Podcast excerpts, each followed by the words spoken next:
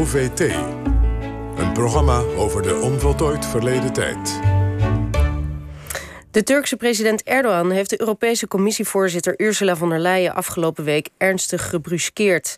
Er stonden twee stoelen klaar voor drie mensen en Europese raadspresident Michel en Erdogan namen zonder aarzeling de twee stoelen. Ursula eindigde op de reservebank en de pijnlijke stoelendans gaat nu de wereld over als Sofagate. Te gast is protocolkenner Hendrik de Groot over andere pijnlijke voorbeelden van apenrotse gedrag tijdens diplomatieke ontmoetingen. Welkom. Dank. Um, eerst deze Sofagate. Um, hoe erg was dit op de ladder van pijnlijkheid? Nou, er werden eigenlijk twee pijngrenzen werden er overschreden. Namelijk een protocolaire, dat is een kwestie van voorbereiding en afspraken maken. En de tweede was de persoonlijke pijngrens voor Ursula von der Leyen... Uh, die daar uh, niet geholpen werd door Michel. Ja, want die kwam er ook niet best van af, hè, Charles Michel? Nee, uh, en, en het zo aardige Frits Abraham schreef in de NRC... dat gastheer Erdogan werd in hufterigheid ingehaald door Michel. En uh, dat blijkt toch wel, want uh, ik begrijp dat er maandag of dinsdag een debat is in het Europees Parlement over deze gang van zaken. Dus het zal nog een tijdje donderen blijven in Brussel. Dus er gingen twee dingen mis. Die twee stoelen die waren klaargezet voor drie mensen, wat natuurlijk uh, heel vreemd is. En ten tweede dat die twee mannen daar meteen gingen zitten zonder ja. te kijken naar, naar Ursula ja. von der Leyen. In hoeverre weten we nou zeker dat dit allemaal opzettelijk was? Nou ja, in de tijd dat ik uh, protocolchef was op uh, ministerie BZK... Uh, heb ik stal van dit soort topontmoetingen georganiseerd. Nou is het zo, bij dit soort ontmoetingen ben je altijd met z'n tweeën bezig. Dus het is de gastheer en gast... die ook samen verantwoordelijk zijn voor het welslagen van dat bezoek. Dus je doet dat altijd met z'n tweeën. Nou, wanneer er voor de hoofdrolspelers maar twee stoelen worden klaargezet... terwijl je weet dat er drie zijn dan kan het niet anders dat hier, ik zou bijna zeggen, boze opzet in het spel was. Ja, de, um, helaas zijn er genoeg ook uh, heel veel andere voorbeelden van hoe het dus uh, niet moet. Uh, laten we naar een paar kijken. Meubilair blijkt een terugkerende glansrol te vervullen. bijvoorbeeld ook bij de Israëlische vice-minister van Buitenlandse Zaken, die de Turkse ambassadeur in 2010 op bezoek kreeg. Wat ging daar mis? Ja, er was dus, al eindeloos een conflict tussen die twee landen. En uh, deze uh, vice-minister, dat stond nogal bekend als een botte hork. En die dacht, ik zal even laten zien dat ik uh, meer ben dan deze ambassadeur. Terwijl ik een ambassadeur heet gevolmachtigd en buitengewoon minister. Dus is gelijk in rang. Maar wat heeft hij laten doen? Door zijn stafmedewerkers, die hebben 10 centimeter van de bankpoten afgezaagd. Waardoor de ambassadeur lager zat dan de minister. En hij moest dus naar boven praten en de minister kon naar beneden praten. Dus je begrijpt wat ik bedoel. Ja, dus echt heel primair allemaal. Ja, heel primair. Ja. Um, uh, nu had je ook een voorbeeld van hoe het eigenlijk wel moet. Um, en, en Wilhelmina uh, vervult oh, daarin ja. een rol. Ja, dat is het bekende verhaal. Uh, Wilhelmina kreeg de leider van de boerenopstand in Zuid-Afrika. Dan praat ik over meer dan 100 jaar geleden, 1910 ongeveer, 1903 of zoiets. die kreeg politiek asiel in Nederland. En Wilhelmina dacht, god, ik zal die man eens voor de lunch uitnodigen. En dat heeft hij toen gedaan. En er was prachtig gedekte tafel natuurlijk. En in die tijd aten we niet vissticks, maar ook nog vis met een graat. Dus er was ook een vingerkom. Daar kon je dan je vingers in, in eventjes wassen en, en afdrogen aan je servet. Maar uh, Paul Kruger uh, ging aan tafel zitten en had waarschijnlijk reuze dorst. Pakte zo'n kristallen vingerkom en zette hem aan zijn mond. Uh, waardoor het hele gezelschap upset was en keek naar de koningin. En de koningin redde de situatie door ook een teugje uit de vingerkom te nemen. Dus ja. dat is eigenlijk de basis van je wil juist... Nou ja, wat, wat ik al zeg, gastheer en gastvrouw... of gast, in, in dit geval gastheer en gastvrouw... maar gastheer en gast zijn samen verantwoordelijk... voor het welslagen van elke topontmoeting. Ja. Is het nou zo dat, dat met name bepaald soort types, en denken we aan Trump, maar je kunt misschien nog verder terug het verleden in, die willen laten zien wie er werkelijk de basis, wie bovenop die apenrot zit, dit soort protocolaire voorschriften als het ware aan hun laars lappen. Maar moeten we terug naar Mussolini en Hitler? Zijn, wat voor voorbeelden zijn er nog meer? Nou ja, kijk, we moeten eigenlijk terug naar, naar de late middeleeuwen, maar daar hebben we de tijd niet voor.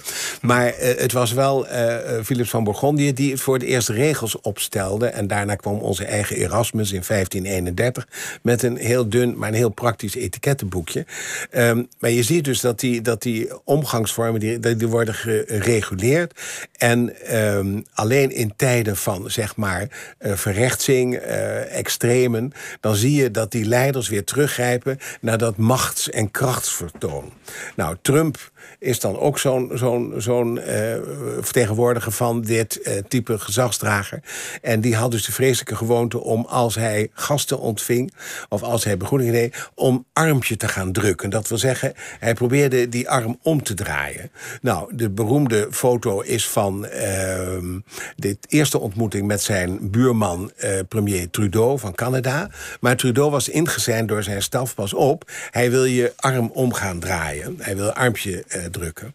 En je ziet op die foto dat uh, Trudeau met zijn kaken stijf op elkaar... zijn arm stijf in een hoek van 90 graden houdt. En het lukt hem niet. In tegenstelling tot bij die arme Macron... ik weet niet of je, je nog herinnert... Champs-Élysées, die militaire parade waar Trump ook van zou houden. En Trump draait voortdurend die arm rond... waardoor uh, Macron een beetje staat te huppelen. Ja, nou hebben we ook nog wel een aantal voorbeelden van Berlusconi en, en Poetin en uh, uh, dat soort leiders. Maar als we verder teruggaan, uh, Jos had het net over Hitler en Mussolini. Dat is natuurlijk een. Een open deur. Zit daar ook nog iets? Ja, en het grappige is, die zijn dan ook steeds weer tot voorbeeld van anderen. Een beroemd voorbeeld is het uh, bezoek van Cham uh, Chamberlain naar München... om die vrede tussen Frankrijk, Italië, Engeland en Duitsland te bewerkstelligen. Hij komt dan ook terug met de bekende Great Peace for Our Time.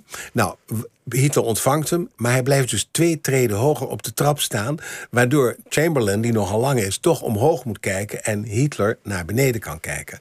Poetin heeft Mussolini tot voorbeeld genomen...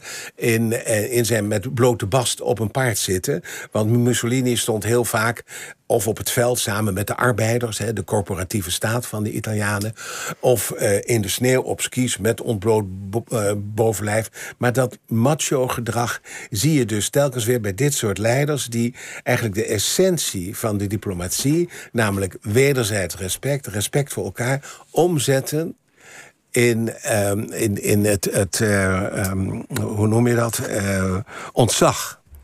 En respect is horizontaal en ontzag is verticaal, abstract gesproken. En soms dus is dat letterlijk top, verticaal. Top down, ja, ja, ja. En um, als we dan uh, nu kijken, van, is er nu weer een toename van dat gedrag? Als je ja, zegt van zeker, het is gekoppeld zeker. aan populisme. Ja. ja, je merkt het. Wat ook wel aardig was, ik weet niet of je het ooit gezien hebt, maar Juncker, de oud-president van, van de Europese Commissie, die uh, begroette uh, de Hongaarse premier Orbán ooit eens. Hallo, dictator. Ja, beroemd fragment. beroemd ja, fragment. Ja, maar dat, is, dat is niet de enige. Maar wat je dus vooral ziet, is, is en, en dat is een beetje een tendens in de samenleving. Uh, dat merk je ook gewoon op straat. Uh, we zijn enorm vergroofd in onze manieren. Uh, we, we, maken veel meer lawaai. we, we begroeten elkaar of heel uitbundig of negeren elkaar. Het, het, het, het, het gaat wat de omgangsvormen betreft de slechte kant op. Domweg omdat we niet meer denken aan de beroemde uitspraak uh, uit het even beroemde boek van Norbert Elias, uh, uh, waarin hij, hij zegt dat beschaving is beteugeling van emoties. En hoe meer je in die, aan die dictatoriaal, dictatoriale kant komt, hoe minder er sprake is van beteugeling van emoties. Goed, dit zegt dus iedereen krijgt hier meteen ook een standje ja. van de protocol. Ja, het lijkt wel of we iedere 50, 60, 70 jaar weer in zo'n periode vervallen. Waar, waar, waar, ja, of je dat nou decadent moet noemen of hoe dan ook. Maar waarbij die, de, de, de prettige en plezierige omgangsvormen terzijde worden geschoven en het Gaat het, gaat het helpen als we meer vrouwen in de politiek aan de Oh, macht zeker, krijgen? zeker. Ik weet niet of je toevallig Herman Wijfels hebt uh, gehoord daarover. Maar die vindt zeker ook dat, dat het, de, de, de, de feminine waardering... die moet weer uh, terugkomen. En uh, vrouwen zijn doorgaans meer op continuïteit gericht... en minder op scoren.